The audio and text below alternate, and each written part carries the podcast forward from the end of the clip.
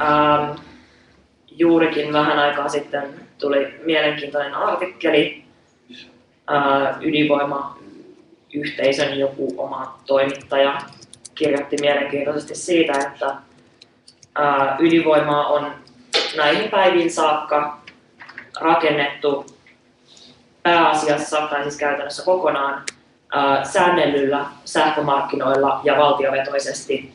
Mm, ja nyt on rakenteella se reilu 70 uutta ydinvoimalaa, ja niistä käytännössä melkein kaikki edelleen rakennetaan näillä säännellyillä markkinoilla, eli siis Kiinassa, ää, Yhdistyneissä Arabiemiraateissa, Intiassa ja Etelä-Koreassa.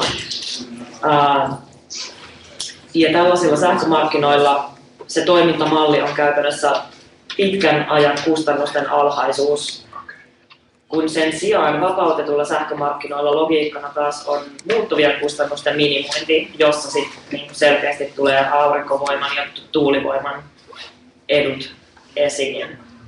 Uh, ja nyt kun sähkömarkkinoita yritetään vapauttaa joka puolella, niin tilanne on se, että niin kuin ne ydinvoimalat, vanhatkaan, vaikka ne on niin kuin jo ikään kuin maksettu, niin niiden on vaikea kilpailla tällaisessa ympäristössä siinä sähkötuotannossa.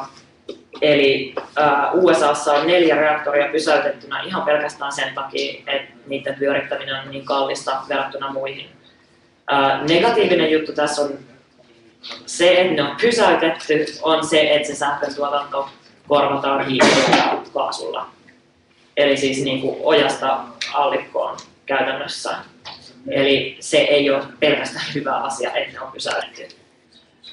Ähm, ja tässä artikkelissa tämä suomalainen Mankala-periaate, äh, joka on siis tämä vanha nimenomaan energiaprojekteihin, alun perin vesivoimaloihin liittyvä toimintamalli, missä yritykset perustaa yhdessä uuden yrityksen, koska näin isoja hankkeita muuten kukaan ei pysty rahoittaa, niin tämä esitettiin ikään kuin tällaisena keihäänkärkimallina, joka voisi toimia siis äh, vapautetuilla äh, energiamarkkinoilla.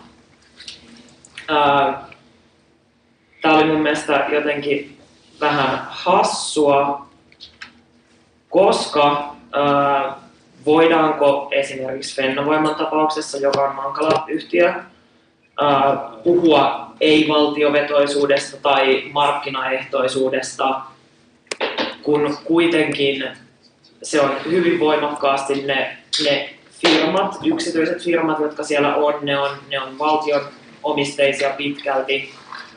Siellä on kuntien energiayhtiöitä, ne on suoraan, suoraan, suoraan verorahoja, suoraan meidän maksamia. Ne ei tuota niin sellaista yksityistä toisenlaista voittoa, vaan siis niin kuin meille yleishyödykkeitä joka tapauksessa. Mm. Ja tota, ää, toinen asia, mikä tässä on vähän hassua, on tämä, että miten niin kuin, kaikki varmaan tietää, miten julkisessa keskustelussa ja varsinkin jos eksyy johonkin Hesarin keskusteluosioon, missä pää räjähtää niin kuin uusiutuvien saamien tukien kritiikki on sellainen asia, mikä mua hämmentää niin kuin toistuvasti ja muun muassa tämän Mankala-periaatteen hehkutuksen yhteydessä, ää, koska ei se ydinvoimakaan nyt ihan niin kuin ilman semmoisia suuria tukia tähän maailmaan putkahtanut vaan ne on niin kuin suunnattoman suuria koulutusinvestointeja, infrastruktuuriinvestointeja, ää, tietenkin erityisesti siellä alkuvaiheessa. Se on niin kuin kymmenen vuoden projekti ää, tämmöiseltä newcomer-maalta rakentaa sellainen osaamis- ja materiaalinen infra, jotta se yksi ydinvoimala voidaan rakentaa. Eli siis tyyli ensin pitää olla ne tiet ja vasta sitten voidaan halkaista atomit. Tämä on aivan itsestään selvää, mutta niin kuin tämä unohdetaan yllättävän usein.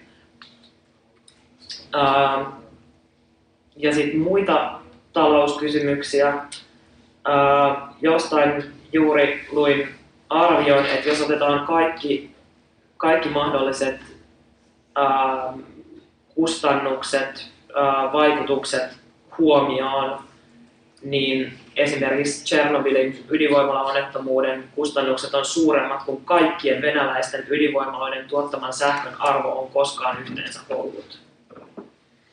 Eli siis vaikka ne onnettomuudet on äärimmäisen harvinaisia, mikä on tietysti hyvä asia, niin me puhutaan sellaisen mittaluokan niin kuin jutuista, ää, mitä ei pysty niin kuin käsittämään minkään muun teollisen, teollisuuden onnettomuuksien yhteydessä juurikaan. Ää, ja samaisesti ää, nyt noin 30 vuotta myöhemmin tästä nimenomaisesta onnettomuudesta, niin ää, nyt juuri ydinvoimayhteisö uutisoi innoissaan, että tänä vuonna päästään lopulta silleen oikeasti poistamaan käytöstä sitä Chernobylin ydinvoimalaa.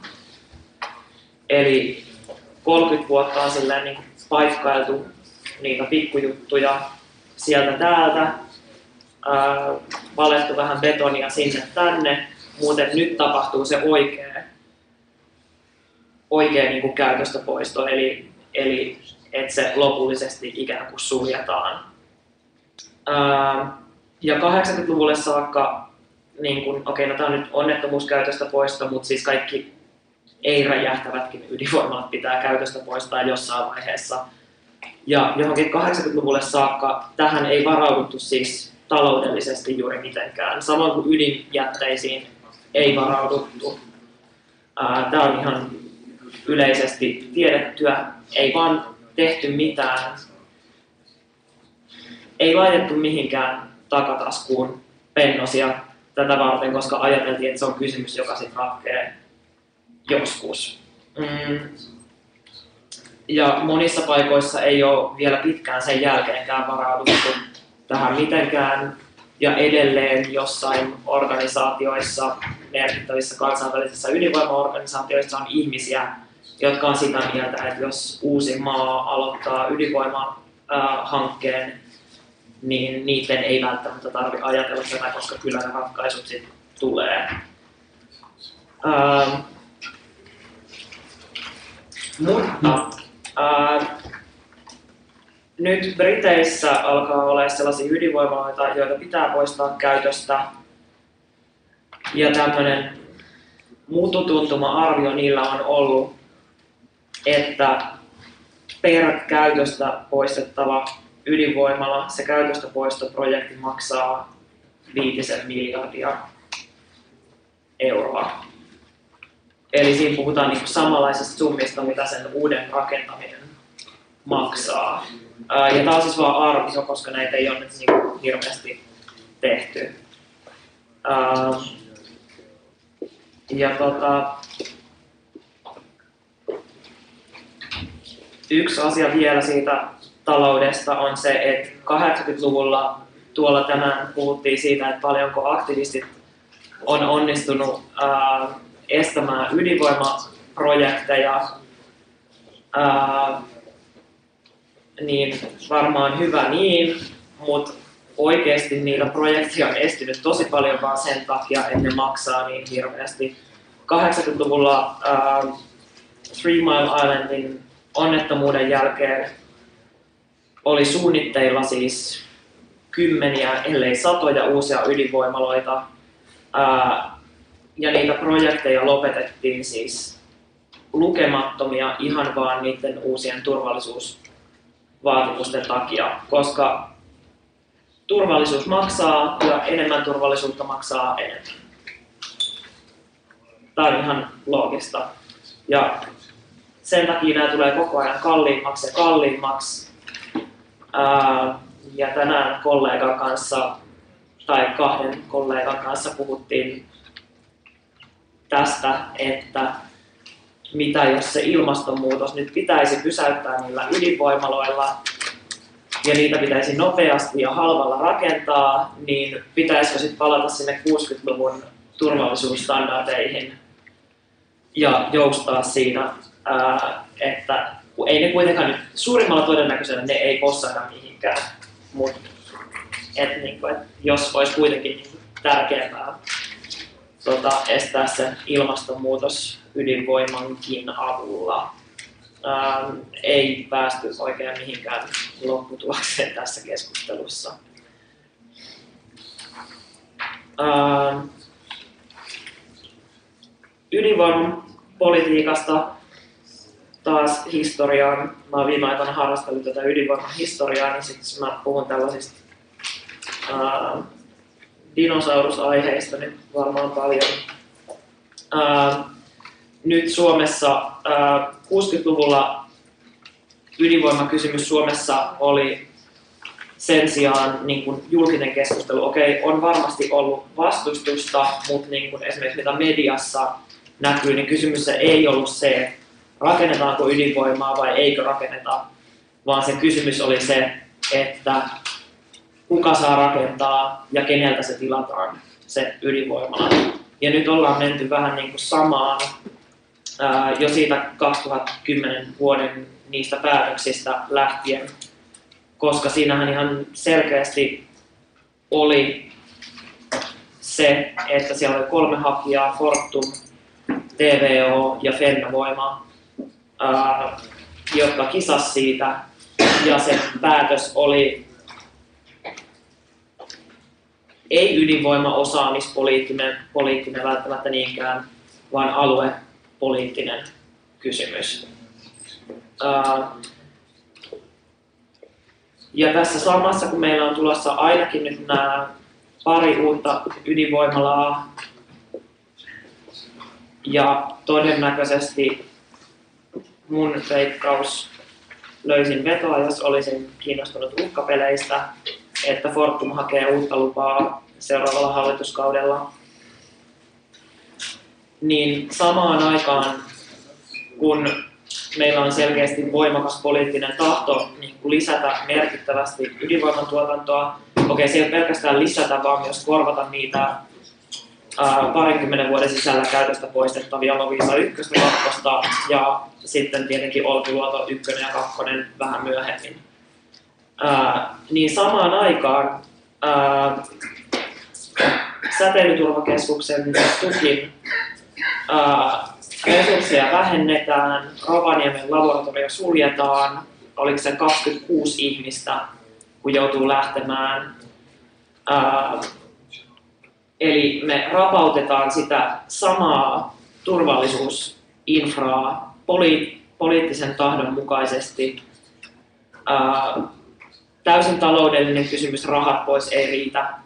Ää, ja me rapautetaan just sitä, mistä me suomalaiset ollaan ydinvoima-asiassa maailmalla kuuluisia, eli siis tästä säteilyturva osaamisesta ja turvallisuudesta ja muista. Tietenkin, okei, okay, tähän on kritiikkiä, mutta siitä me ollaan maailmalla kuuluisia ja nyt me ollaan silleen, niin että no, ei me nyt halutakaan tehdä tätä. Ähm,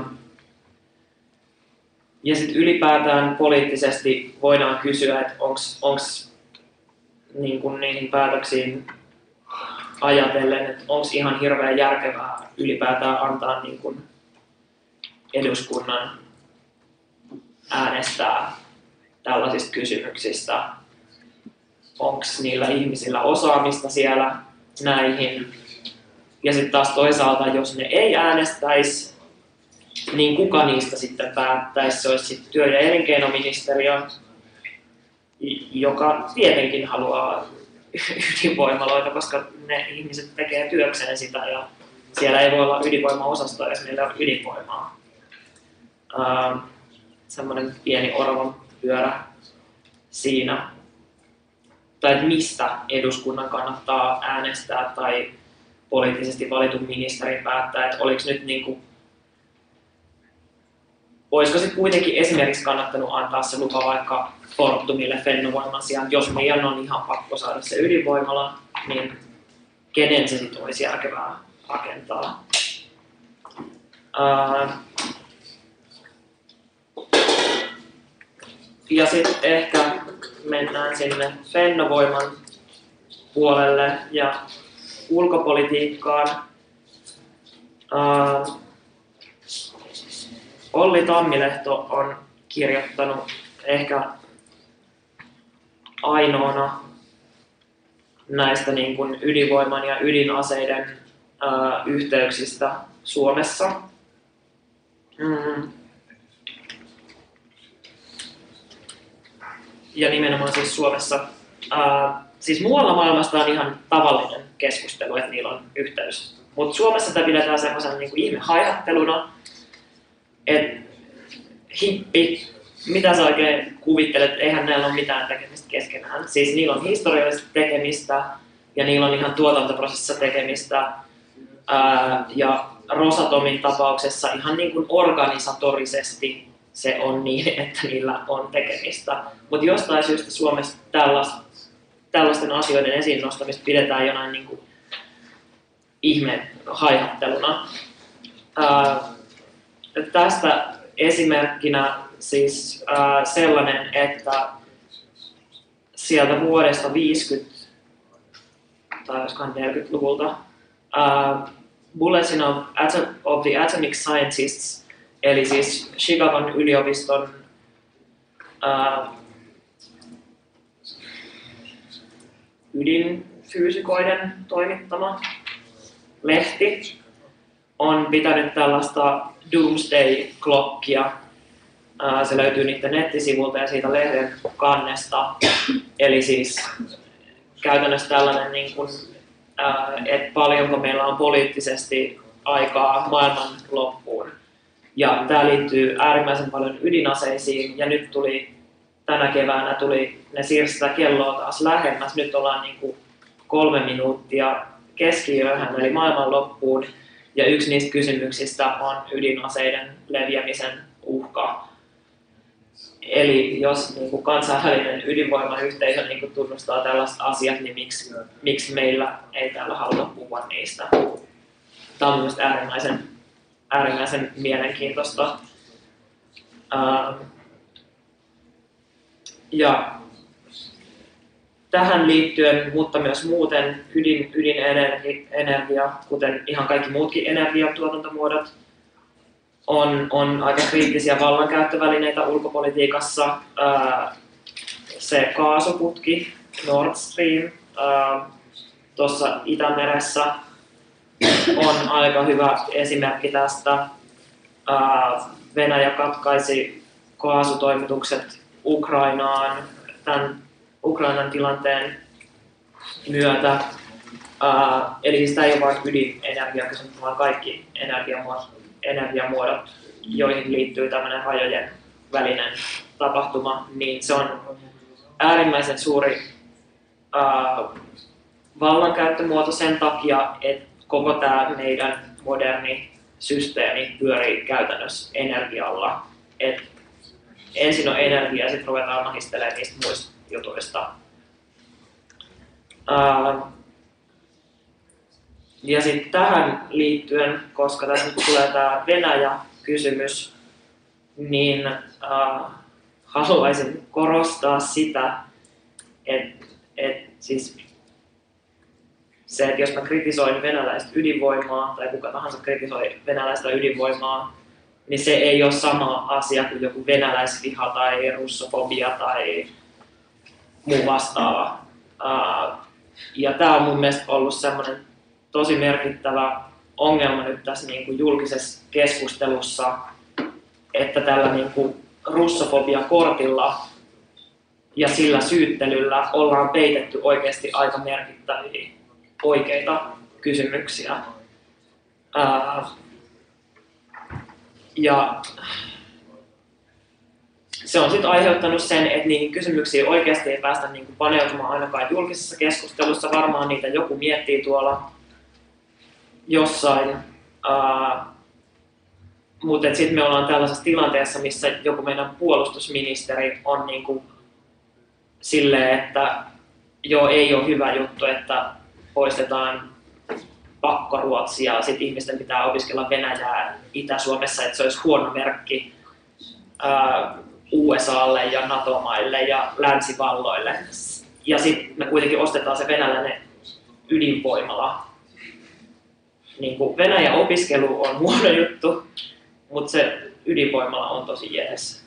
Niin tämä ei niin kuin, tämä on mennyt aivan niin kuin naurettavaksi pelleilyksi tämä meidän julkinen poliittinen keskustelu näissä Venä- Venäjän asioissa nyt. No joo. Ähm, ja Fennovoimasta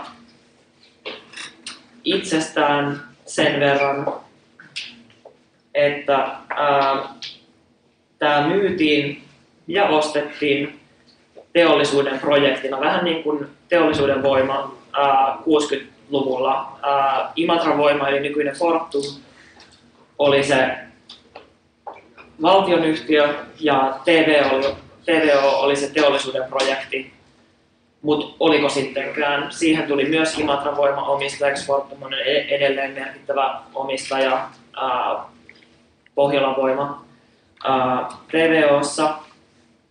Ja ihan sama nyt on tämän, tämän Fennovoiman kanssa. Ää, ja niissä päätöksissä silloin 2010 ää, jos, jos on niin hullu, että niitä jaksaa lukea, niitä kymmenien sivujen päätöksiä, niin siellä nämä perustelut esitetään niin, että esimerkiksi niin kuin Fortum ei saanut sitä lupaa, koska se olisi vääristänyt kilpailuja, ne olisi saanut liikaa valtaa, ää, ja sähkömarkkinoiden kilpailu parantuu, jos Fennovoima saa sen luvan ja rakentaa sen ydinvoimalan. Ää, aika monille tässä oli hyvin silmiinpistävää jo silloin, että niin kun Fennovoiman suunnitelmat olivat aika keskeneräisiä. Ää, edelleen on väkisinkin ydinjätekysymys on sellainen, ää, Fennovoima aikoo laittaa ydinjätteensä Onkaloon ja sitten taas Onkalon omistajat eli Fortum ja TVO ei halua niitä Fennovoiman jätteitä. Et mielenkiinnolla sitten kesäkuun lopussa katsella, että mihin ne on siis, anteeksi, menossa. Niin siis miten se Fennovoima niin kuin, olisi siis se päätöksen mukaan parempi siis, uh, et se, olisi, se olisi uusi toimija markkinoilla. Niin, niin, ja se on niin kuin, sitten automaattisesti hyvä asia, vai? Uh, no joo, et, et, se osittain liittyy, että se on itsessään uusi toimija, mutta myös, että niin kun se ajatus on kai vähän ollut se, että sitten ne kunnalliset sähköyhtiöt saa ikään kuin sitä omaa Uh, jonka, siis niiden kautta vastahan siitä tulee mitkään markkinat, koska nehän sitä niin kuin myy meille sitä sähköä. Uh, Mutta siis kun nämä sähkömarkkinat nyt on mitä ne on ja kun meillä ei ole mitään niin suomalaisia sähkömarkkinoita, meillä on pohjoismaiset sähkömarkkinat, joista on tulossa eurooppalaiset sähkömarkkinat. Uh, niin tämä kilpailu sähkömarkkinoilla on niin kuin minkä tahansa energiamuodon suhteen aika mielenkiintoinen kysymys.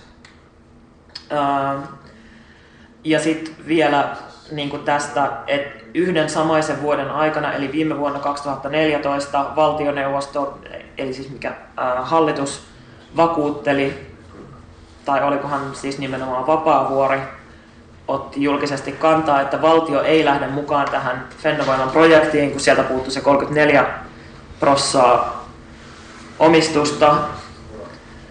Ää, ja sitten vielä niitä muutamia prosentteja siinä välissä taisi myös puuttua. Ää, et valtio ei lähde tähän mukaan, että on teollisuuden projekti, eli taas sitä samaa juttua. No mutta sitten tulee Fortum, joka lähtee johonkin projektiin Rosatomin kanssa yhdessä vesivoimajärjestelyjä Venäjällä ja muuta vastaavaa ja tekee sen ikään kuin valtion puolesta. Niin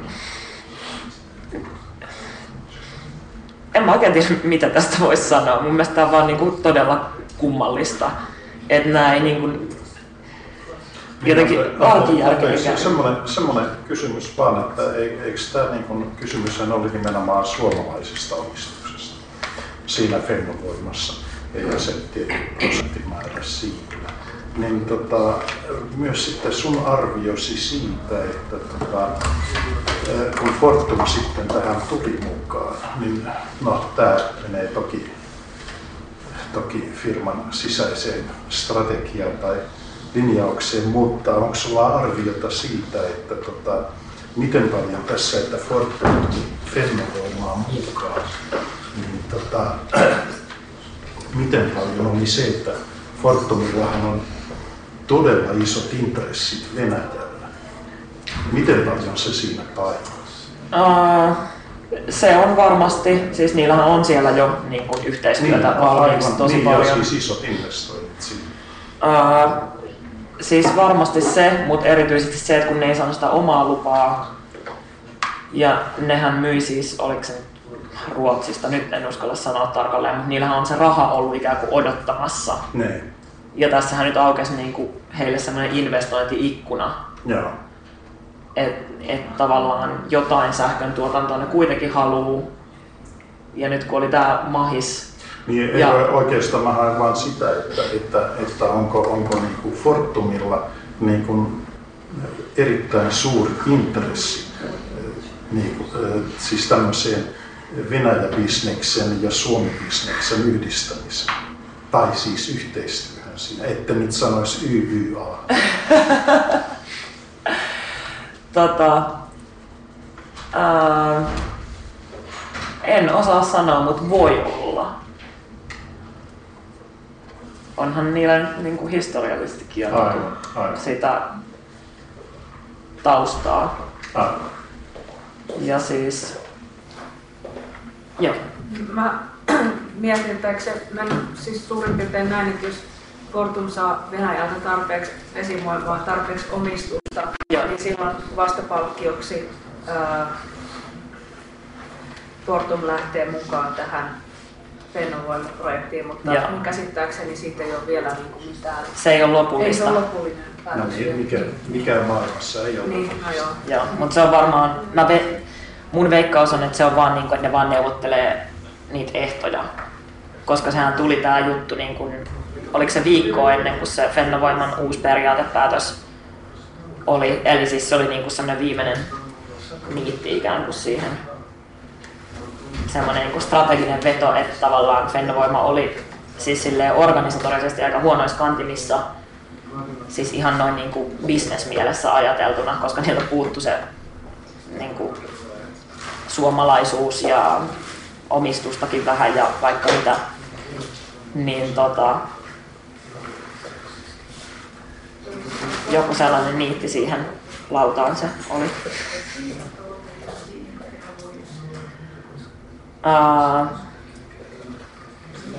Ja sitten myös viime vuonna valtiohan teki sen sopimuksen Venäjän kanssa, eli siis käytännössä Rosatomin kanssa siitä ydinenergia-alan yhteistyöstä, joka koskee tutkimusta ja, ää, tutkimusta ja kehitystä ja turvallisuusasioita ja muita vastaavia. Ää, että tota, no okei, se ei ollut niin kuin ihan uusi sopimus, sellainen on aikaisemminkin ollut, se edellinen päättyi 2004. Mutta tavallaan nyt nämä kaikki tapahtui tässä saman, saman vuoden aikana, jolla tätä projektia niin kuin, silleen boostattiin ää, eteenpäin. Ää,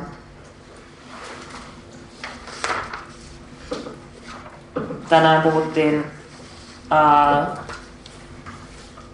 tuolla sosiaalifoorumissa tästä ää, näytettiin tilastoja siitä, että paljonko Suomessa ja Pyhäjoella kannatetaan Fennovoiman hanketta, niin nämä on aina siis ää, sellaisia juttuja, että niin kuin, ää, numeroilla on kaikista helpoin valehdella suuntaan ja toiseen.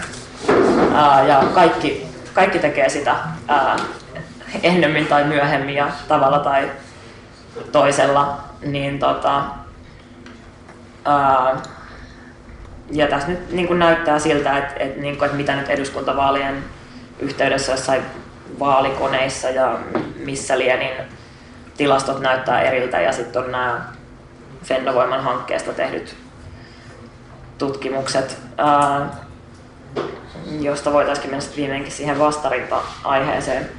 Ää, eli siis nyt nimenomaan siis Fennovoiman projektiin liittyvä, ei ylipäätään.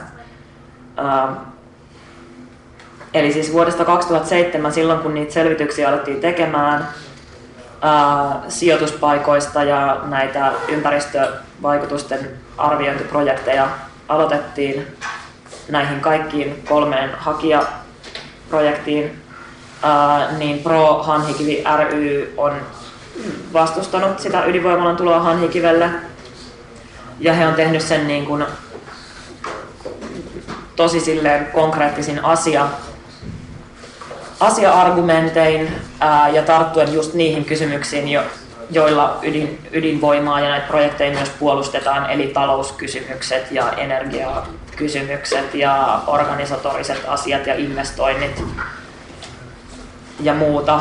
Mm, Mutta se, miten se on otettu vastaan, niin okei, heitä kuullaan tavalla tai toisella, mutta ehkä niin kuin karmeimpia esimerkkejä oli viime, viime vuoden syksyllä, oli jotain televisiokeskusteluja, ää, ainakin pari kappaletta, joissa ää, Pro Hanhikiven Hanna Halmeenpää, ää, joka nyt pääsi eduskuntaan, ää, argumentoi, siinä oli muun muassa Pekkarinen ja sitten joku Fennovoimasta ainakin siinä toisessa keskustelussa. Ja ää, Hanna esitteli näitä talous, talousargumentteja ja talouskysymyksiä ja ää, ongelmatisoi niitä. Ja sitten ainakin tässä toisessa, niin kaiken tämän päätteeksi, niin sitten sieltä tulee joku niin kun, ministeri, joka vaan niin kuin on silleen, että joo, no nämä on tällaista tunteilua, mitä, millä tätä ydinvoimaa vastustetaan. Ää, ja siis,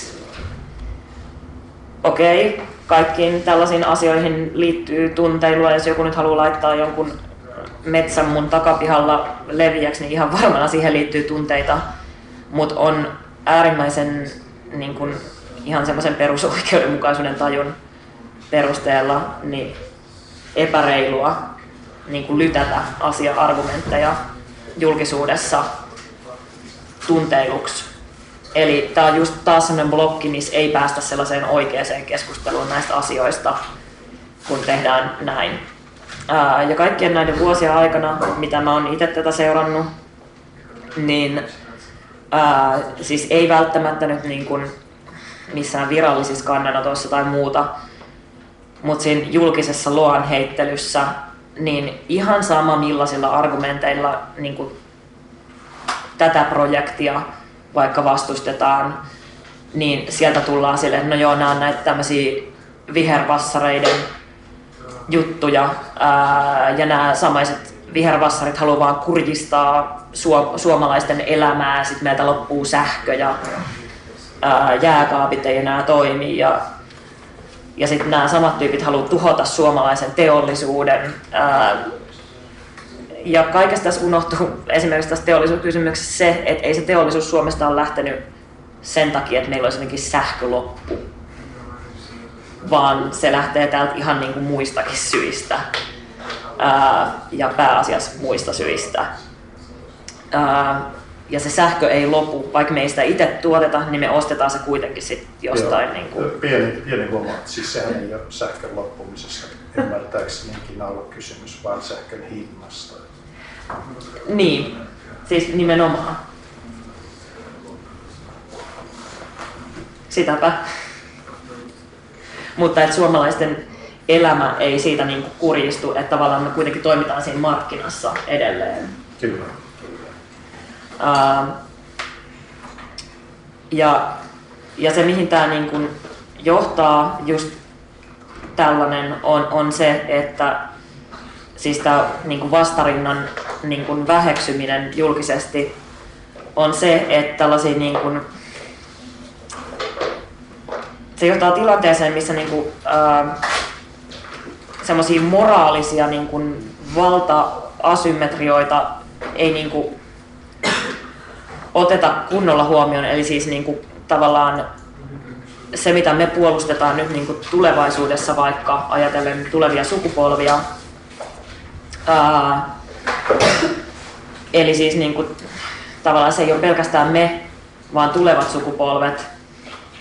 Mutta tätä pidetään sitten niinku, tää sit leimataan helposti haihatteluksi, mutta sitten taas niitä ydinvoimaloita samalla puolustetaan tällä ikään kuin tulevien sukupolvien argumentilla, että nyt se ilmastonmuutos sitten niinku estyy niillä ydinvoimaloilla. Et se sitten taas ei ole haihattelua, mutta niin kuin nämä muut asiat on.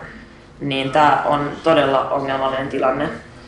Ää, ja sitten tämä isojen energiahankkeiden vastustaminen ja sen vastaanotto erityisesti on niin jotenkin anatomialtaan tosi omituista, koska nyt tällä hetkellä Suomessa vastustetaan yhtä aikaa ydinvoimaa ja tuulivoimaa. Nämä ei siis yleensä ole samat ihmiset, jotka tätä tekevät. Mutta joka tapauksessa on niin kuin kahdenlaista vastustusta ää, eri alueilla ja eri ihmisten toimesta. Nämä ryhmät ei välttämättä kohtaa. Ää, ne ei välttämättä myöskään aina ole niinku toisiaan vastaan. Joskus ne voi olla jopa samoja ihmisiä, mutta siis ehkä harvemmin. Joka tapauksessa nämä ei ole niinku ikään kuin sellaisia kohtaavia ilmiöitä. Mutta se, miten tämä otetaan vastaan, niin se eroaa tosi paljon ydinvoiman kohdalla, eli siis ydinvoiman vastustamisen kohdalla, oman lähiympäristön suojelu katsotaan usein epärationaalisuudeksi ja epäsolidaarisuudeksi niin kuin yhteistä yhteiskunnallista hyvää kohtaan, kun sitten taas tuulivoiman tapauksessa saman, ihan täysin samantyyppisiä argumentteja pidetään niin kuin taisteluna yhteiseksi hyväksi ehkä paras esimerkki, mikä mulle on tullut vastaan, on mun kotikaupungista, missä on niin kuin äärimmäisen suuri tuulivoiman vastustus tällä hetkellä. Ää, ja tota, pari vuotta sitten sinne saaristoon siis tuli näitä meri, merikotkia, no jotain tipusia kuitenkin, jotka katsottiin kovin haitallisiksi niin kuin kalastusharrastukselle ja sitten ne myös kakkii sinne kallioille ja se on rumaa. Ää, niin sitten oli hirveästi ihmiset, niin kuin, että nyt näitä pitää alkaa ampumaan näitä tipusia silleen niin kuin massoittain. No, sitten menee tämä pari vuotta ja sitten on tämä tuulivoimaloiden uhka. Niin en tiedä, onko samat ihmiset mutta vähän siltä niin kuin jotenkin argumentein kuulostaa, niin nyt näitä samoja tipusia puolustetaan silleen, että ei voida rakentaa näitä tuulivoimaloita, koska ne lentää ne linnut sinne tuulivoimalaan ja kuolee siihen. Eli eka niitä oltiin lahtaamassa ihan hulluna, ja nyt ne on semmoinen niin kuin y- luontoarvo meillä. Mutta mitään tästä ei pidetä niin kuin kaupungin pääsanomalehti, eli se ainut, joka siellä on, niin ei mitenkään ota kantaa siihen, että onko tämä keskustelu nyt yhtään järkevää vai ei. Uh, jos joku kävisi tällaista jonkun ydinvoiman suhteen argumentoimaan, niin sieltä tulisi heti semmoinen kommarikortti ja vaikka mitä. No joo. Toisaalta tota, to, en tiedä, mullakaan ei tämä ornitologia ei ole hallussa, että en tiedä, mutta tota, tota, siis se peruskysymys siis vastustaa tuulivoimaa, vastustaa ydinvoimaa, nehän lähtee kuitenkin ihan eri perusteella. Mm-hmm. Siis sen mä ymmärrän, että joku Matti Klinge vastustaa, Matti Klinge tunnettu vasemmistolainen, niin vastustaa tota, tuulivoimaa sillä perusteella, että se tuhoaa tämmöisen rannikon saaristomaisen, mikä on ihan mm-hmm. Aku, ihan adekvaatti perustelu, se varmasti tuhoaakin Se on ihan hyvä kysymys. Mutta, mutta, mutta mä vaan tarkoitan sitä, että ydinvoiman vastustaminen lähtee sitten ihan jo aika paljon, mun ymmärtääkseni, jo ihan paljon enemmän eksistentiaalisista kysymyksistä. Ja sitten toiseksi, toinen juttu tässä on se, että tota, jos sä mietit, että mikä on ihan noin hypoteettisestikin ajatellen tuulivoiman merkitystä Suomen energiatuotannolle, se jää aina aika marginaaliseksi. Sen sijaan ydinvoiman merkitys tällä hetkellä se on ihan fundamentaalinen. Joo, siis tämä on taas sitten vähän eri kysymys, mutta se mistä, mitä mä tarkoitan tällä on se, että millaisin niin argumentein tullaan aivan, esiin aivan, ja että miten niihin suhtaudutaan. Joo. Niin sitten tavallaan saman, samantyyppisiin argumentteihin suhtaudutaan täysin eri tavalla, ikään kuin se vastaanotto on eri. Joo, joo mutta siis se on... Hei, nyt tuota, antaa luonnollisen puhua loppuun ja keskustelu sen jälkeen. Eläköön sananvapaus. Eikö se siis puhuttu siitä? Mä oon melkein lopussa. Uh, no joo, ja muita tämmöisiä kummallisuuksia niin kuin näihin argumentteihin on niin kuin taas Venäjään liittyen on sitten tämä, että samaan aikaan ollaan hyvin yleisesti huolestuneita siitä, että, että Venäjän armeija teki näitä jotain tämmöisiä ylilentoja, ilmoittamattomia. Ja näistä oltiin tosi huolissaan. ja samaan aikaan tulee Ukrainan kriisi. ja sitten yhtä aikaa niin kun myös näkyy jonkun verran tätä, että sit jos halutaan nostaa tätä turvallisuuspoliittista asiaa tämän ydinvoiman yhteydessä, niin se on sitten niinku jotain haihattelua tai salaliittoteoriaa juttua, niin tässäkin tulee taas tämmöinen kummallinen, kummallinen epätasapaino siitä, että mistä nyt sitten niinku saa puhua ja mistä saa, saa huolestua. Uh, joskus aikoinaan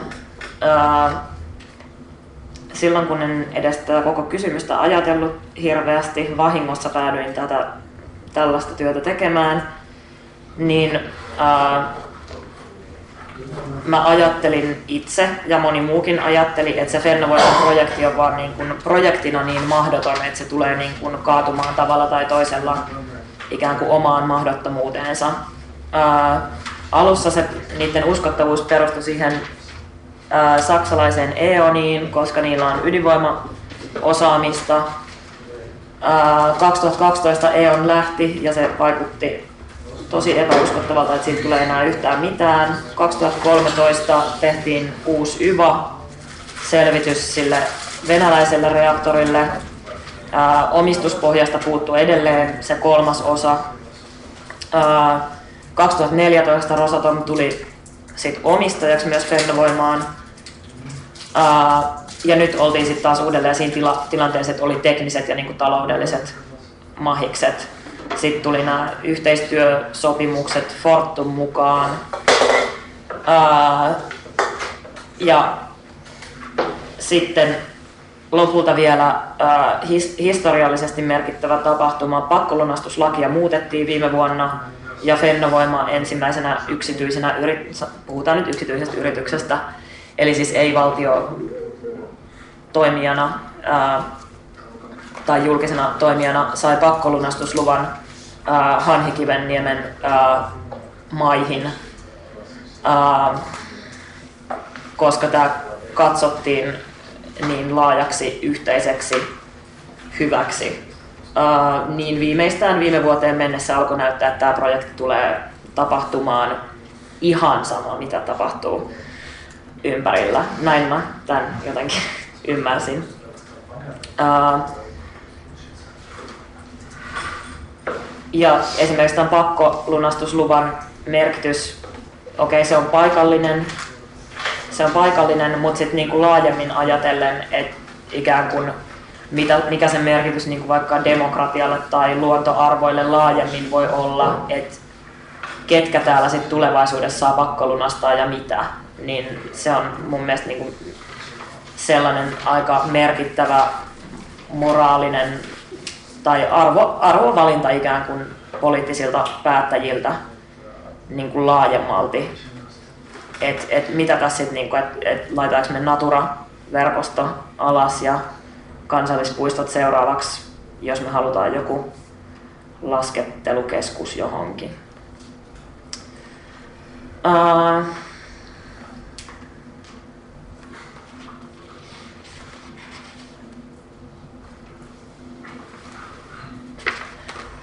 No joo. Ehkä ihan niin kuin tähän loppuun jotain, mitä, mitä mä oon tästä asiasta ajatellut. Ää, niin tässä kuviossa, ei pelkästään nyt Fennovoiman kysymys, vaan ylipäätään niin kuin siinä, että miten niin kuin ydinvoimasta puhutaan suomalaisessa päätöksenteossa, niin meillä yhdistyy niin kuin tämä tämmöinen sama vanha, mitä 60-luvulla, miksi ne rakennettiin ne ekat ydinvoimalat 70-luvulla, niin tämä tämmöinen hyvinvoinnin politiikka ja se, niin kuin, se että tavallaan tällä, niin kuin, siis tietenkin energia on, on siis aivan elimellinen niin kuin talou, taloudelliselle hyvinvoinnille, niin yhdistyy tämä ja samalla meillä y- tulee siihen mukaan ikään kuin tämmöinen uusliberaali retoriikka, jossa niin kuin on aika, vedet, aika suoraan vedetty niin kuin yhteyksiä sellaisen niin kuin taloudellisen hyvän ja ää, tämän ydinsähkön välille. Eli siis tämän kautta, että kun teollisuudella on hyvää, halpaa tai ainakin tasahintaista sähköä, niin se on meille suoraan hyvä. Siis tämä on ihan niin kuin retorinen kysymys. Tämä nyt varmaan taustalla olisi joka, joka tapauksessa, mutta se, niin kuin, että tavallaan se on myös ollut sellainen aika niin kuin julkisesti esitetty asia. Ähm, ja niin kuin tällaisen retoriikan kanssa on hirveän vaikea just nostaa, ää, saada kuuluviin sellaisia niin kuin asia-argumenttejakaan niin kuin vastaan. Että tavallaan se keskustelu puuttuu tosi paljon kokonaan, että mitä ongelmia tässä on ja aina jäädään semmoiselle niin pintaraapasulle, että, että, niin kuin, että mitä nämä energiainvestoinnit on. ja sitten tämä aiheuttaa sen, että se rationaalisuus, että nyt siinä tulee se tilanne, että on rationaalista ajatella näin ja epärationaalista näin. Ää, sen sijaan, että ymmärrettäisiin, että se rationaalisuus jo lähtökohtaisesti itsessään sisältää arvovalintoja, koska se on, ei ole sellaista politiikkaa, missä sellaisia ei olisi. Eli se, kyse on vaan siitä, että millaisia arvoja sinne sitten valitaan. Mm, toisaalta ää, mä uskon ihan aidosti, että, että ää, ne ihmiset, jotka puhuu sit vaikka niin kuin ilmasto, ilmastoyhteydessä, ilmastokysymyksen yhteydessä positiivisesti ydinvoimasta, niin, ää, tai, talou, tai taloudellisessa mielessä, kuten esimerkiksi tässä kirjassa, jos joku ei ole vielä nähnyt, eli uhkapeli ilmastolla, tuommoinen pamfletti ydinvoiman puolesta tuli tänä vuonna, ää, niin mä ihan aidosti uskon, että he uskoo siihen asiaan myös. Eli se ei ole semmoista niin pahan suopuutta myöskään puolustaa ydinvoimaa. Ää, ongelma on kuitenkin se, että mitä nyt niin kuin seuraa jossain sosiaalisessa mediassa vaikka niin keskusteluja tästä aiheesta, niin se on ihan super polarisoitunutta edelleen. Ää, ja äärimmäisen niin kuin, se kuilu on hirvittävän suuri siinä niin kuin ydinvoiman puolesta ja vastaan välillä edelleen. Ää, ja tota, tässä kirjassa esimerkiksi siitä keskustellaan, se on siis ydinvoiman puolesta. Ja tämä on niinku semmoinen laajempikin liike. Eko, ekomodernisteiksi itseään muun muassa kutsuvat. Ää, ja siellä on paljon just sitä niinku talouskeskustelua, mikä on niinku hirveän, hirveän pinnalla Suomessakin. Ähm, niin ehkä siitä vaan se, että se on vähän niin kuin, niin kuin surullista, että tavallaan ne on samoja asioita, mistä kaikki puhuu, mutta jostain syystä niin kuin se kohtaamispiste on niin kuin aina todella kaukana. Uh, ehkä sitten kysymyksiä, pohdittavaa, mitä voisit miettiä, että semmoisia kauhuskenaarioita, että mitä jos vaikka sille Fennovoimalle käy niin kuin Olkiluoto kolmoselle, ja sitten sit ei saadakaan sitä Fennovoiman sähköä, kun vuosien monen vuoden viiveellä, mitä sitten tapahtuu. Ää, se, mikä tähän on usein ollut ratkaisu, sit kun nämä projektit venyy, niin sitten meille ostetaan lisää hiilivoimaa, pyöritetään noita Helsingin hiilivoimaloita tuossa kesät, talvet. Ää, en, niin kuin, että millainen se tavallaan se ikkuna sinne tulevaisuuteen on, että jos niin kuin, että pitääkö tässä nyt niin kuin toivoa, että sitten kun se ra- rakennetaan se voimala, että et, tota, kannattaako sitten vaan toivoa, että se vaan toimii tosi hyvin vai niin kuin toivoa, että se ei ala toimimaan. Että tavallaan ne vaihtoehdot on siinä vaiheessa, siinä on jo sit niin tehty se 10 miljardin investointi tai mitä se nyt sitten ikinä tuleekaan maksamaan. Että tavallaan millaiset ne mahdollisuudet on eri vaihtoehtoihin energiakysymyksessä. Eikä se ole siinä.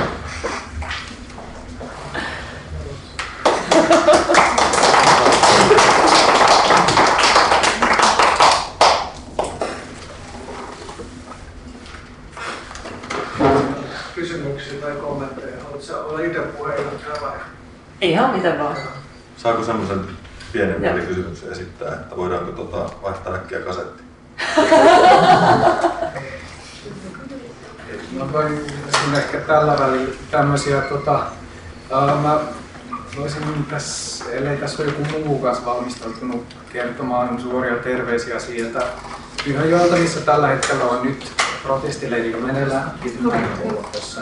Niin tota, siellä on just nyttensä siellä on ihmisiä kiivennyt yhteen hakkuukoneeseen. Siellä on seisoo hakkuukone ja lisäksi tukkirekka tuli paikalle ja lisäpäivityksiä tulee, tilanne etenee meininkiä tässä näin koko ajan.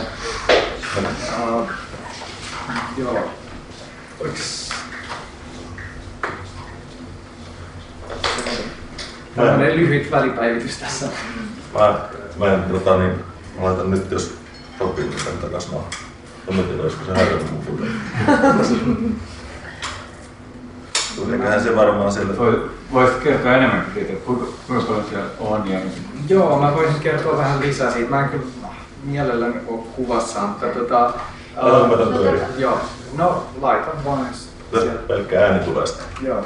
No, tota, siellä nyt on ollut, ollut tota, viime viikon alusta. Siellä on, on ollut ihmisiä paikalla, koittaen jotenkin vastustaa ja estää näitä ää, Lassila Tikanoja Biovatti Oyn liukkana suorittamia hakkuita.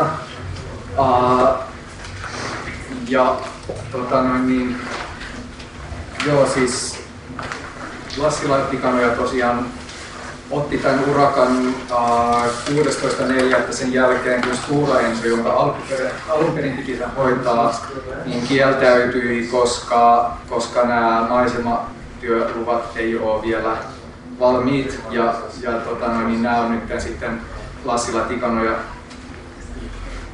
ja Fennovoiman toimesta sitten katsottu, että voidaan tämmöisen porsareijan kautta kuitenkin aloittaa työt, vaikka ne varsinaiset luvat ei vielä ole ja, ja valituskin on pöydällä muistaakseni. Uh, Enso siis vetäytyi tästä ja sitten hommattiin tämä Biovatti Oy, Lassila Tikano ja Biovatti Oy sinne tilalle hoitamaan sitä likasta työtä. Ja ja tota, noin, niin tosiaan aloitti 16. päivä ja tässä nyt on viikon aikana hakattu se niemi aika totaalisesti, että se on yksi iso hakkuu, avohakkuu se koko paikka, paitsi, paitsi nämä maat, jotka, jotka ei ole, jotka Fennovoima ei ole vielä saanut käsinsä. Um, joo,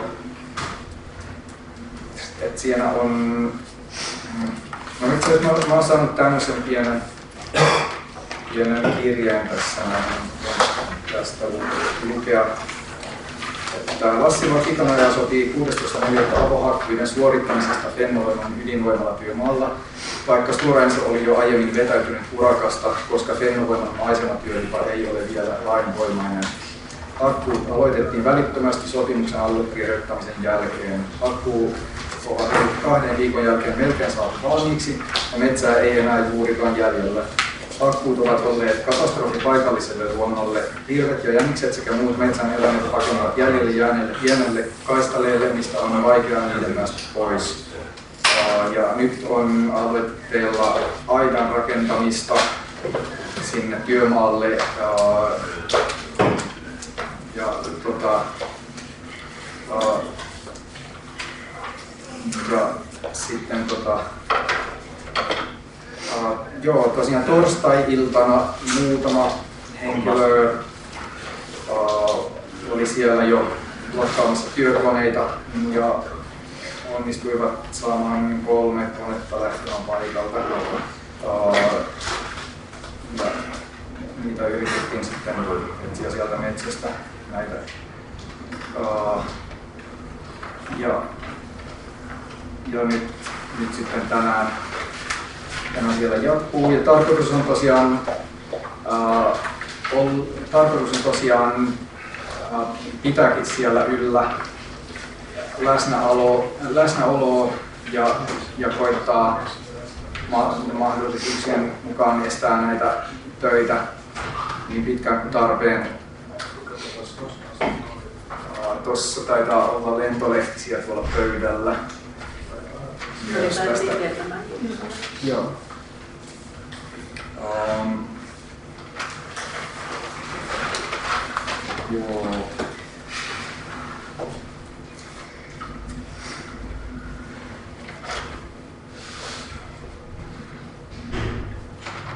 Joo, mä voin, joo, ehkä täältä osin tässä näin. Keväinen lomakohde, pyhä jo. Keväinen lomakohde, joo. Onko ollut miellyttävää? Joo, tosiaan, tosiaan kesällä on kanssa tulossa uh, ihan kanssa tulossa uh, leiriä, siinä itse asiassa kahta leiriä uh, samanaikaisesti. Uh, niistäkin on täällä lentolehtisiä tuolla noin. Tässä kevään aikana sieltä tapahtuu Joo. kyllä aika paljon. Joo, että, että sinne voi tosiaan mennä nyt jo. Niin ja tosiaan, että vaikka ne metsät on kaadettu, niin siellä on sitten kaikenlaista muuta työtä, mitä ne niin kuin aika vie, vie hommia eteenpäin tavallaan niin nopeasti kuin mahdollista. Ja toukokuun loppuun mennessä, kun ne on äh, häätämässä niitä, tota, siellä on siis ihmisillä kesämökkejä, niin, niin tota, mä kestään asukkaita, joten toivotaan, että just toukokuun loppuun, niin että sinne sa- saataisiin mahdollisimman paljon porukkaa niin kuin osoittamaan mieltä, että me ei haluta tätä, tätä tapahtumaa.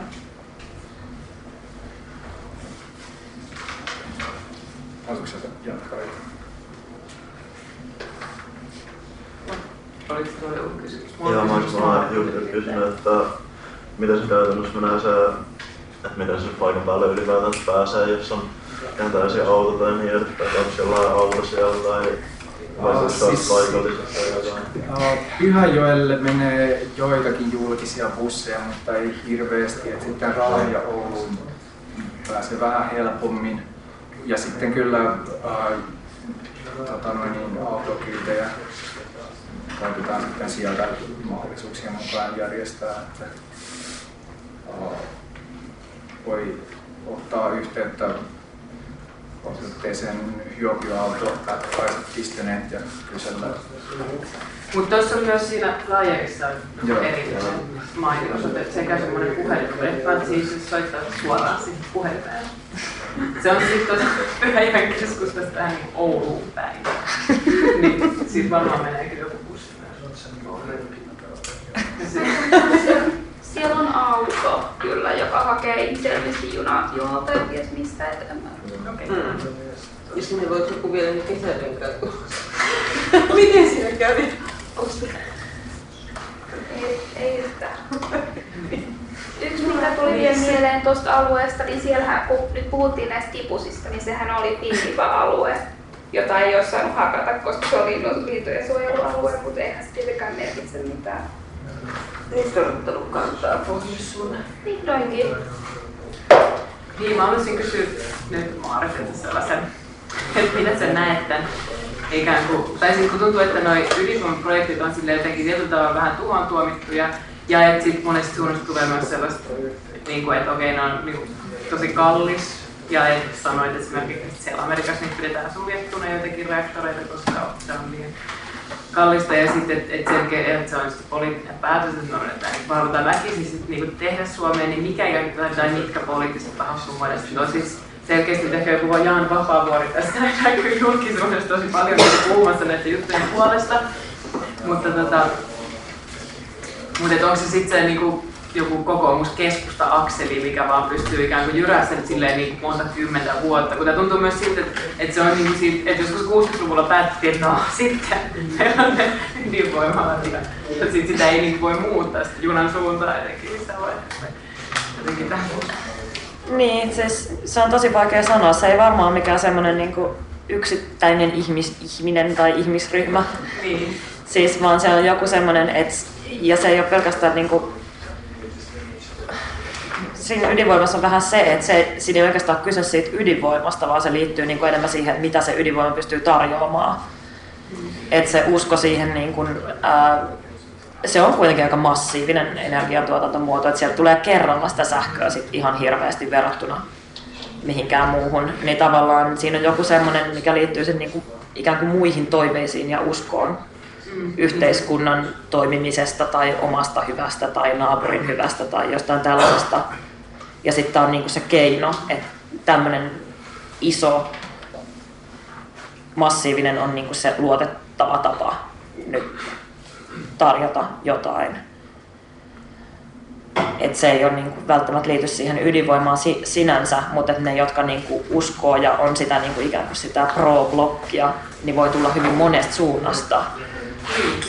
Niin. niin eikö, eikö ainakin Suomessa niin demarit on erittäin vahvoja ydinvoiman mutta, mutta se, se, eikö koko ydinvoiman, niin se itse asiassa se, sillä on aika vahva liityntä semmoiseen 60-luvun semmoiseen teknologia-optimismiin, että, että silloin, silloin alettiin rakentaa siis rauhanomasta ydinvoimaa, eli ydinvoimalaita.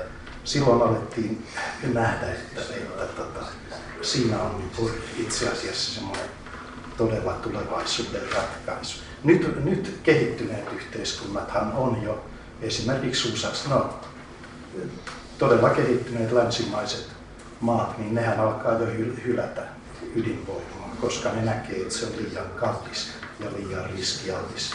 Sen sijaan erinäiset takapajulat esimerkiksi ehkä nyt kiusallista kyllä myös Suomi, niin rakentaa ydinvoimaa. Mutta siis se on juuri nimenomaan, että se vanhentunut energiamuoto. Se on aikanaan, ja miksei kyllä, mun täytyy sanoa, että se on edelleenkin se on erittäin sinänsä tehokas tapa tuottaa energiaa, mutta siinä on nämä riskit ja haittavaikutukset todella siis kohtuuttoman isoja. Ja just sen takia se on yhä vaan enemmän arveluttavampaa, mutta toisaalta on myös niin kuin, no, Neuvostoliitto, entinen Neuvostoliitto ja nykyinen Ranska, jotka ne on täynnä ydinvoimaloita. Tuolla oli monta Joo, jos mä tuota, kommentoin tätä, niin mun mielestä tässä on niin kysymys enemmänkin nerf- ja 50-luvun haaveista, että et, et, et, et, et silloinhan niinku, just toisen maailmansodan jälkeen oli, oli hurjat niin teknologiahaaveet. Tällä hetkellä piti olla atomiautoja ja atomilentokoneita ja niin edelleen. Ja siitä on toteutunut äärimmäisen vähän ja sekin niin kuin huonosti. Että, ja, ja sitten jos ajattelee sitä päättäjä sukupolvea, joka on vähän vanhempi, joka on 56-luvulla lukenut tekniikan kirjoja, niin, niin se, kyllä, tämä on niin ihan, ihan semmoinen usko asia, että täällä tällaista pitää olla ja tämä on, tämä on, tämä on hienoa. Ja, ja sitten, sitten tuli nämä vihreät ja tuli, tuli ilmaistusliikettä. Ja sitten ikään kuin osa, osa tästä establishmentista, tästä on, onkin siirtynyt uusiutuvan energian kannattajaksi jopa Saksassa, joka on tällainen loistava teknologia, vaan sielläkin jopa, jopa niin, kun kristilliset demokraatit on tullut periksi, niin ei, ei, me ei voida antaa periksi tämmöiselle. Että kyllä siinä on semmoinen mentaliteetti, että, että okei, tavalla tai toisella kyllä tämä ydinvoima pitää saada, että me ei, ei, ei anneta periksi, kyllä on niin vastustajat niin hulluja, tämmöisiä, niin kuin minä, tai jotkut ihan, ihan älyttömiä. Jos, jos me antaa periksi, niin sitten ne tulee vyöry, vyöry ja vyöryttää kaikkia. Me ei saada mitään tässä näitä hienoja, hienoja teollisuus- ja muita hankkeita. Ne, ne kulkevat tehtaat sieltä. Et, et siinä on niinku tällä, että se on, se on niinku sellainen aatteellinen juttu. Aivan, joo. Ihan, mutta mä, mä Ihan ihan lyhyesti vaan taustalla, jos tasa Haluaisiko joku vähän niin kuin sille Joo, ottaa lupa puheenvuorosta. Siitä ja sitten sieltä. Mun mielestä että, että, niin se, on, se on mahdollinen skenaario, mutta mä luulen, että paljon paskempi juttu on taustalla. Eli, eli tämä, kun puhuit tästä Euroopan laajuisista sähkömarkkinoista, niin tota, jos Euroopassa halutaan jonnekin ydinvoimaa sijoittaa, niin se pitää valita. Sitä ei sijoiteta Saksaan, se sijoitetaan tänne periferiaan. Ja tänne on tarkoitus sijoittaa myös uranikaivokset, Pennoskandinavia. Tänne on tarkoitus sijoittaa ydinjätteet, ja tämä on Sitran yksi profetioista, ydin Suomen visio. Ja Piru Viekö sitä toteutetaan koko ajan.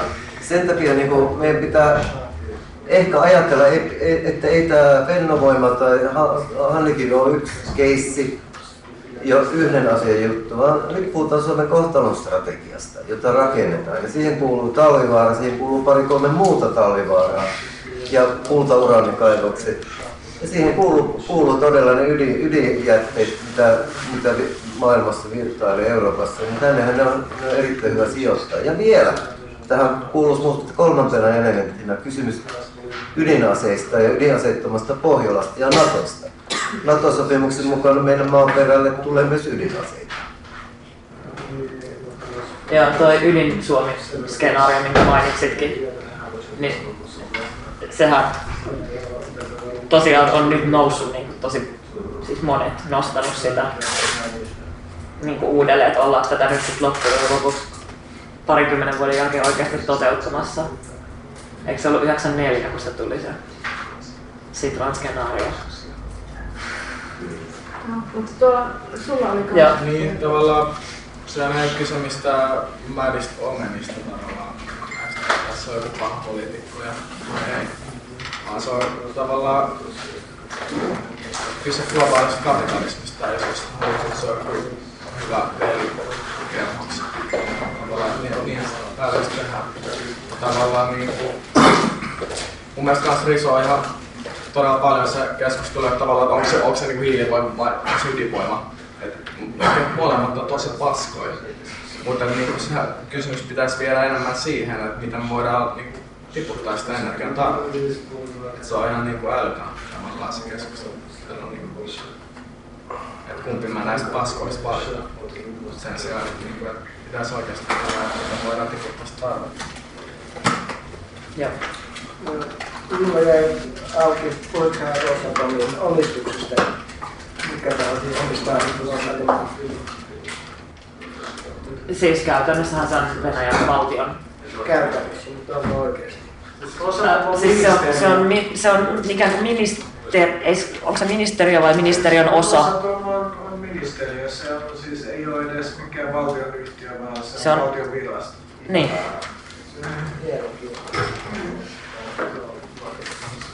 Ja siis Rosatom on, niin kuin, onko se nyt toista kymmentä eri firmaa niin, tai eri organisaatioita, jotka tekee niin kuin erilaisia asioita. Että tämä Rosatom, joka on täällä, niin on vain yksi osa sitä koko niin kuin, skaalaa. Ne niin kuin, hoitaa kaikki. Mulla on kyllä erikoisesti, eikö Rosatom ole ihan globaali, globaali ydinenergiafirma. Mä luin tänään netistä, että Rosatom on onnistunut saamaan USAsta 10 prosenttia ydinenergia osuutta ostamalla jonkun kanadalaisen yhtiön kautta USAsta ydinvoimaa. Ne voi toimia kuten firma. Mutta se Rosatom on kuitenkin siellä, siellä on, se operoi ja tuskin se mikä ministeriö voi niin USA-markkinoilla Kyllä, siis se on, kyllä se on yhtiö, mutta siis oli väärä tieto. Kyllä, se yhtiö, mutta se on tullut täysin valtio-omisteinen ja ministeriö hallitsema. hallitsema. Mutta siis ei ole mitään yksityisalaisuutta Rosatomissa. Joo, jos mä sanon vielä, että siis se, tämä mitä vieressä on siis globaalista kapitalismista, se on tietenkin pitää paikkansa, mutta mut, mut olennaista on siis se, että, että kapitalismi on, on niin kuin hyvin monitahoinen juttu ja, ja että et siinä on tämä teknologia- ja byrokratiapuoli myös. Ja me yritetään nyt enemmän niin byrokratisessa kapitalismissa kuin markkinakapitalismissa, koska, koska siis tota,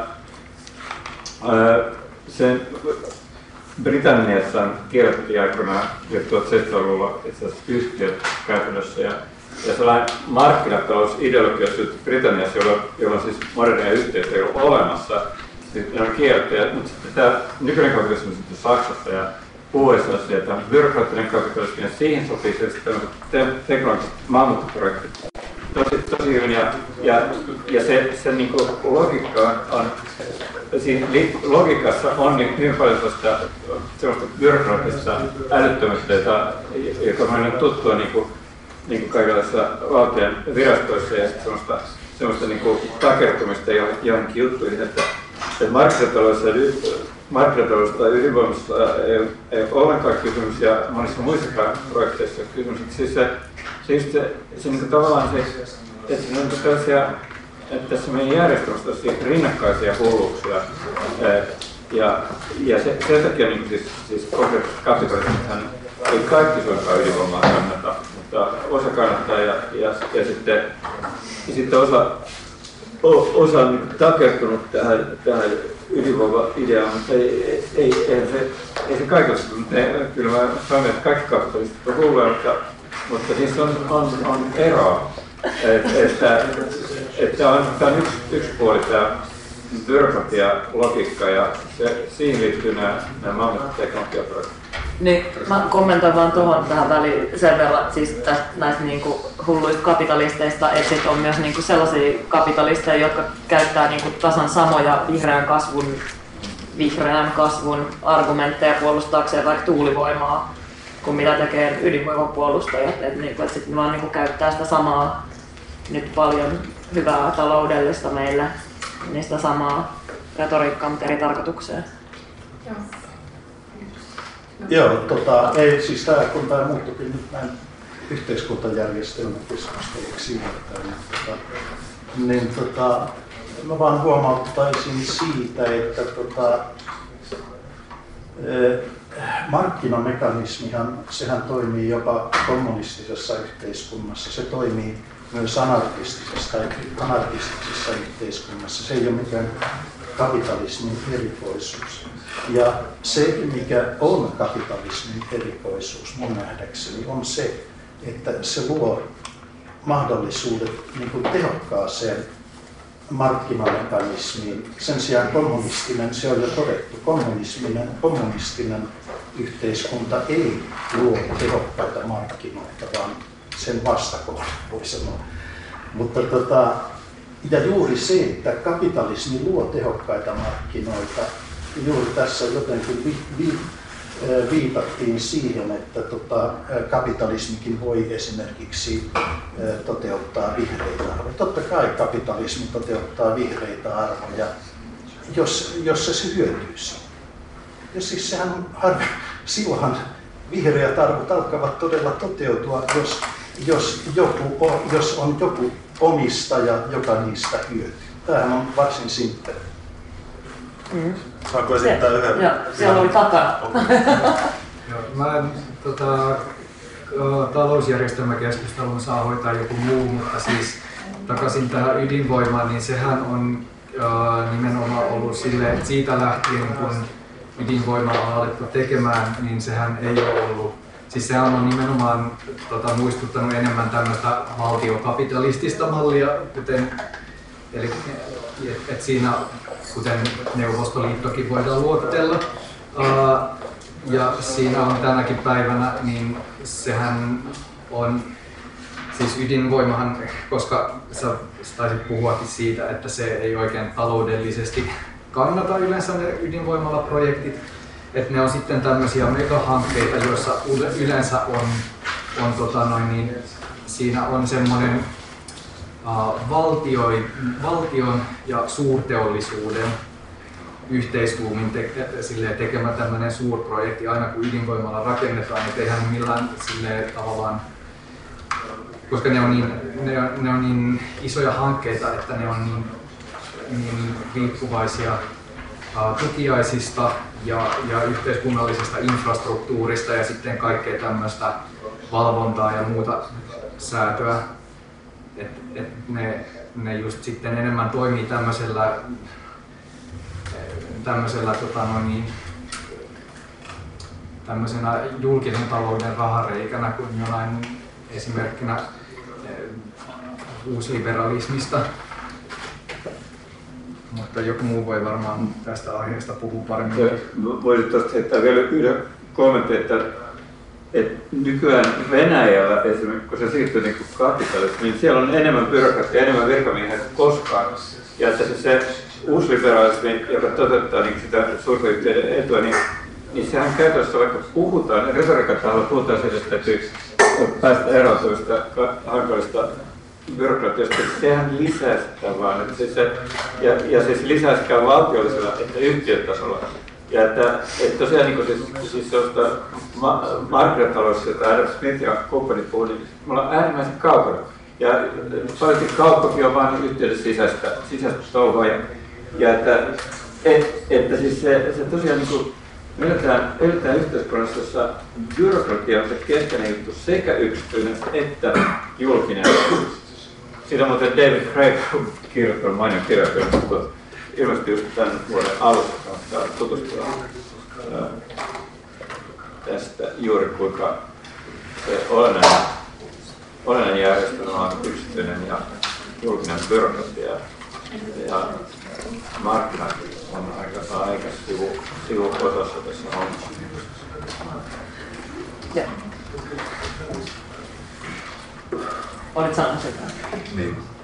Sitä vaan meinasin ihan, että kun tosissaan tuommoista väität, että sitä kautta, että meillä joku omistaa jonkun, jonkun hyödynnettävän taikka mikä voisi hyödyksi olla tyyppisen asian, niin yrittäisin niin kuin muistuttaa, että mitä onko Nestlen pääjohtajan kanssa samaa mieltä, että vesi parhaiten tavoittaisi kaikki maailman asukkaat, jos se yksityistettäisiin. Että ihan vaan tämmöinen... Siis, siis mä... mä ei, ei, siis tämähän, tämähän ei ole mikään reto, vaan se on yksi ihan asiallinen, asiallinen, erittäin asiallinen kysymys. Nimittäin tota, mä, en, mä en ole välttämättä sitä, siis mä jossain määrin luotan yhteisomistukseen, mutta mutta tota, me, meillä kaikilla on jotain kokemusta yhteisomistuksesta, jos ei vaikka kesämäkästä tai, tai yhteispalstasta. Tai me muistetaan Suomessa 1700-luvulla nämä yhteis, yhteis, niin sanotut yhteismaat, jotka olivat maataloudellisesti todella tehottomia sitten tuli iso väkö ja jokainen sai oman palstansa ja maatalous tehostui huomattavasti. En mutta, mutta, mutta siis vielä, vielä ihan, ihan suoraan tähän sun, sun argumenttiin, tähän ei ole mikään uusi argumentti, sehän on joku, tähän on esitetty jo iät päivät ja iät päivät joku Vaalruuskin ja sitten onko vesi, kannattaisiko vesi, kannattaisiko valtameren kalat yksityistä, kannattaisiko ilma yksityistä niin se, se silloin se laatu paranisi. Nimittäin tällä hetkellä hän on. Mistä johtuu esimerkiksi kalakantojen se, että kalakannat loppuu? Sehän, sehän johtuu aika paljon siitä, että kukaan ei omista kalakannaa. Se on vapaata riistoa. Kyllä hyvä. Tota, niin, pakko sanoa, mennään takaisin aiheeseen, koska mä pyysin sen takia sua miettimään tätä. Joo, saanko perustella miksi? Se tulee alle minuutissa. Siksi, että sä otat tuommoisella mutulla aivan absurdin väitteen täällä esille, joka on niin sivujuonne, ja esität tuollaista ilman, että, että ennen kuin tätä jatketaan, niin, niin kuunnellaan tämä keskustelu ja sitten niin voi miettiä, että millä perusteella noin. Tota, sinun nutus ja näin, se on aika... Anteeksi vaan. Tiedän, että se voi tuntua ikävältä. Kuule se lähinnä tuntuu säännöttävältä. Pahoittelen. No, eikö Oi ei. Epic. Jos ei niin kuin, jos pitää heti niin kuin, millä oikeudella sä sanot jotain mutututtumasta? Mä ihmettelen sitä. Meillä ei ole tieteellistä näyttöä siihen sillä perusteella. Sulla on vielä vähemmän.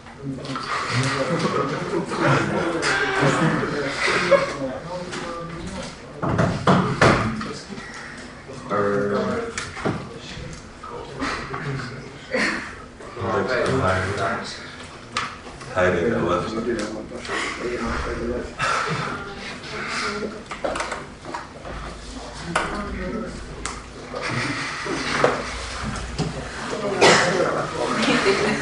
Thank you.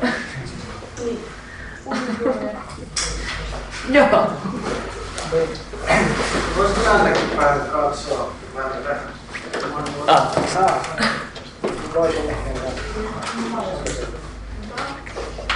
I, I, I can speak English. Yeah. Uh, uh, so I don't, uh, I don't know what happened before. so comment the, the thing I about capitalist system and uh, uh, why it's built uh, the nuclear station uh, without we not give any profit from it. So I think it's we should look about uh, if you look at Rosatom who are support this, so we can look at the huge corporation in Russia, which connected uh, with uh, nuclear, uh, not only nuclear weapon, but with all these uh, um, nuclear uh, stations, uh, nuclear yeah, electric stations, and also, uh,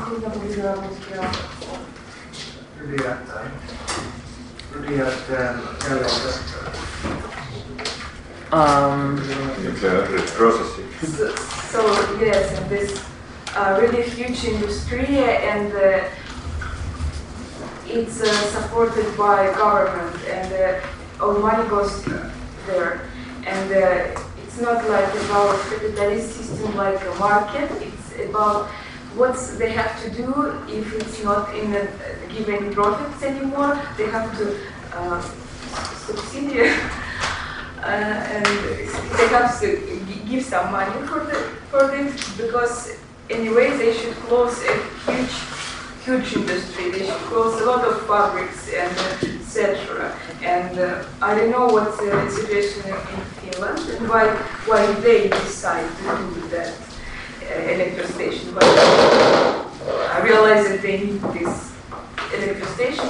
I actually don't uh, understand, and, uh, but uh, I think it's only some political reasons because I don't know. Maybe you have uh, some nuclear uh, industry too, but I, I don't know. I don't see it. Yeah, well, I'm not sure, but I guess it's it, it's related to the fact that en- like energy business is only partly business because first of all it's it's something it's like part of the basic infrastructure that every society needs. So that industry is run by countries also if it's not profitable at all because we need it for other industries and, and for like just basic being. Uh, so the logic of, of, of the industry is not the same as with many other industries. So it's something that will be su- supported anyways. Like, yeah. Because uh, uh, now Finland has to get closely connect to Russia, and it's, you know, Russian company, which is actually a government company, don't give something for free, never. They never give something for free. They, like, I, I don't think that this is a good reason to connect with this monster, actually. Yeah, uh, yeah. This, this is probably something that we will never know. But yeah, because the project projects uh, in the first hand were related to uh, energy independency of Finland from Russia. So that was like part of part of the major arguments that we want to have these new nuclear new builds uh, because we're importing so much electricity from Russia. Well, now it- it's, it's not logical things. There's something else. Theory. Secret theory. Yeah, exactly. But I don't know how to answer. Um, if somebody knows, feel free to tell us. I'm also interested in this question.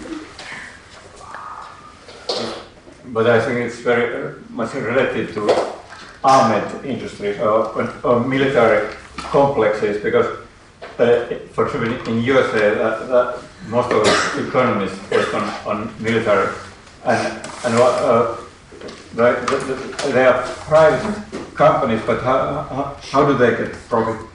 They are guaranteed that, that that is just a guarantee that, that it's cost plus, that it's uh, always pro- profit. So, so that, that there is no market and nothing, nothing uh, really comes out of it. But, but uh, your, your government guarantees profit.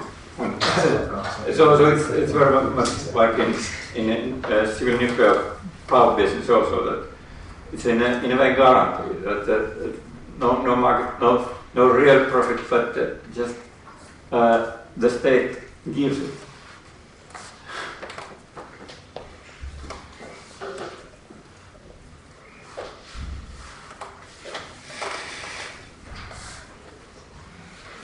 Onko siellä puheenvuoroja? Sillä on vapaa sen olevuun. Täällä oli yksi vielä. Tota, puhuit siitä keskustelusta, että pitäisikö näitä 60-luvun standardeja tehtyjä voimaloita käyttöön. Ja että siihen ei ole tullut mitään selkeää näkemystä, niin tota, äh, kuullut just semmoisen puheen, että siitä olisi olemassa ja myydään tuommoisia paikkoja niin kuin Intia tai myytykin jo, että sulla on sellaista myös käsitys. Siis myyty mitä? Että tämmöisiä vanhoja voimaloita, mitkä olisi jäänyt niin kuin tsekkariin aikaan myymättä ja sitten tota, ne on edelleen niin kuin, äh, No. toimijoilla hallussa, niin sitten myyty tämmöisiä paikkoja. No, mut siis käy- väliä. Käytännössähän kaikki, kaikki muut, paitsi siis nyt, nyt Olkiluoto kolmonen ja sitten Flamanvillen samanlainen reaktori, niin ne on ensimmäis, maailman ensimmäisiä kolmannen sukupolven ää, reaktoreita. Kaikki muut on edelleen niitä niin kuin kakkossukupolven, jotka on niitä samoja kuin silloin. Siis näistä 70 Joo. Siis totta kai niitä on varmaan vähän kehitetty, mutta siis niin se perusteknologia on se, niin se kakkossukupolvi, mitä on siis ne valtaosa vanhoista ydinvoimaloista. Mutta Niin, jos joo. näitä loppujen on samanlaisia kaikki, että siis se, se niin, niin kuin siis on suunnitelmia tehdä siis tuolla radikaalisti erilaisia ydinvoimaloita ollut, ollut niin kuin vuosikymmeniä, eh, jossa, jossa niin se koko, koko niin siis se rakenne on erilainen, että se, se niin kuin koostuu, koostuu tällaista pikku osasteista. Jotenkin siis ajatellaan, että se ei voi sen takia tapahtua niin sellaista sydämen suonisonnettomuutta, kun sitä sydän, sydän on niin hajallaan. Ja on tällaisia, jotka olisi oikea sukupolvi, mutta siis tämä puhe niin kuin sukupolvista on hyvin harjoittava, koska nämä, nämä on näitä vanhoja painopisteitä tai kiehitysreaktorit, joita on ollut, ne ollut 50-luvulta lähtien. Et- Niin, et- niin. Siis sitä, et- just, että ne on edelleen niitä samoja niin, vanhoja. Niin, niin, mutta että myös nämä, myös nämä Olkiluoto ja myös, myös Flammille, että ne, et, et ne, ne sanoo, että se on sukupolvi, koska siinä, siinä on elektroniikkaa ja säätelyjärjestelmä toinen, mutta eihän se ole niin kuin erilainen. Se on melkein sama, juttu. mitä ne aina on ollut. Ja vähän, vähän, vähän tota, vahvempi ikään kuin painerakennus, mutta, että, mutta, tai siis tämä suojarakennus vähän vahvempi, mutta on se myös isompi. Niin, niin joo, no, mutta ei, ei, ei, ei, ei, ei sillä ole olennaista eroa. Se on vain, vain niin kuin, siis se retoriikka ja siis se, että puhutaan niin sukupuolista, vaikka, vaikka siis se, mitä alun perin tarvitsi silloin oli, oli, oli muuttaa sitä rakennetta ihan toiseksi. Siis ja, ja just taas, ja, niin kuin tässä secure, safe and environmental clean urban reactor, jota piti Helsinkiin rakentaa aseaton. Se olisi ollut toinen sukupuoli, ei sitä koskaan. Ja kyllä se mun mielestä on sillä niin kuin osittain olennaista niin kuin nähdä se, koska nyt nämä, niin kuin nämä uuden sukupolven, niin kyllähän se nyt näkyy, että miten vaikea niitä on rakentaa. Et ihan selkeästi ne pienetkin muutokset, mitä niihin on tehty, niin se teollisuus ei itse niin kuin, tunnu haudaavan sitä rakentamishommaa. Niin, mutta jos sä kuulit tuon multa tuolla foorumin pöydässä, kato kun tää yksi joulupukin näköinen kaveri, niin sen nyt on niinku tutkinut ja perustuu ihan tasan siihen, että kun näitä paineketjuja ei pysty ottaa kauhean nopeasti, ja sitten kun on diili on tehty kauhean nopeasti, niin ei se voi virta muuhun kuin, että siinä on niinku tämä vanha parasto, tällaista kamaa siltä ajalta, mikä ei ole niinku tänään. Ja itse asiassa tämä Fennovoima-hanke on äärimmäisen helppo murskata, että se ei ole itse asiassa kolmannen sukupolven juttu, ja niitä on laitettu niinku tehdä. Ja nyt on että onko se nyt PVR-systeemi vai ei, niin sitten se on vaan olennaista, että niissä on niin tietyt tekniset standardit, että se ei oikeasti niin kuin mene niin standardit. Se voi jossain oikeussalissa niistä pamauttaa sen homman. Mutta että sinne Pyhäjoelle on kyllä tulossa niin yli superpriimalaatu kuin olla ja saattaa, mutta sitten sillä referenssillä tullaan näitä vanhoja varastossa olevia sydämiä niin pumppaa pitkin maailmaa. Ja sitten tuo on hyvin menetetty tämä äsken Viivikko Laaksoset Roskatodistuksen, ja se alkoi muun muassa Lovisasta kai, mikä rakennettiin niin kahteen kertaan. Että niin kuin neuvot rakensi ja sitten tuli saksalaiset suomalaiset purki ja rakensi uudestaan. Sitä painepyttyä ei voitu viedä takaisin korjattavaksi Neuvostoliittoon, koska se asui niin paha ulkopoliittisesti, niin se, sille tehtiin kaikki jänniä juttuja paikan päälle. Ja että nyt tosiaan paljon puhuttu, mutta kaikki laksamiehet sen tietää, mitkä siellä yritystunteja teki. Ja se on niin jännä, että nyt tuossa niin materialisoituu uudestaan tuo perinne siltä ajalta nyt tällä hetkellä. Mutta esimerkiksi se kudankulamissa, niin siinä esimerkiksi siihen painekytössä, niin siinä on hitsaus saumoja, mitä ei missään tapauksessa olla. Että se on niin konkreettista faktaa. Että se on näitä tonni juttuja. Ja siis sitten on niin tapa löytynyt, niin tähän varmaan vähän enemmänkin kaikkea. Koska se PVR reaktorit on itse asiassa niin parhain, mitä on olemassa hyvin robusti perusdesign, mutta katso nämä komponentit, ne on just sitä lyssälaatu, että, että nyt on just se eksistentiaalinen ongelma. Mutta se on paha just tämä niin itse niin reaktoriaste, että jos siinä on mitään, niin se on hyvin raskauttava. Ja siellä Intiassa on niin de facto todistettu, että kyllähän siinä oli ja paljon. Ja nyt niitä on tulossa lisää. Että on itse asiassa niin maailmanlaajuisella tasolla hyvin ratkaiseva hanke. Iso helppo tietoa, kyllä, jotka on kerrottu. Mutta siis tämä PVR-reaktorihan historia on se, että se tehtiin sukellusveneisiin ja, ja, haluttiin saada mahdollisimman kompaktia ja teho, siis niin tehokieli suureksi. Ei se sinänsä niin kuin ole mitenkään erityisen hyvä turvallinen tai siviilikäyttö, mutta sehän oli tämä sukellusvene teknologia niin ajoi sen, ajoi sen läpi niin sellaisessa yleisössä.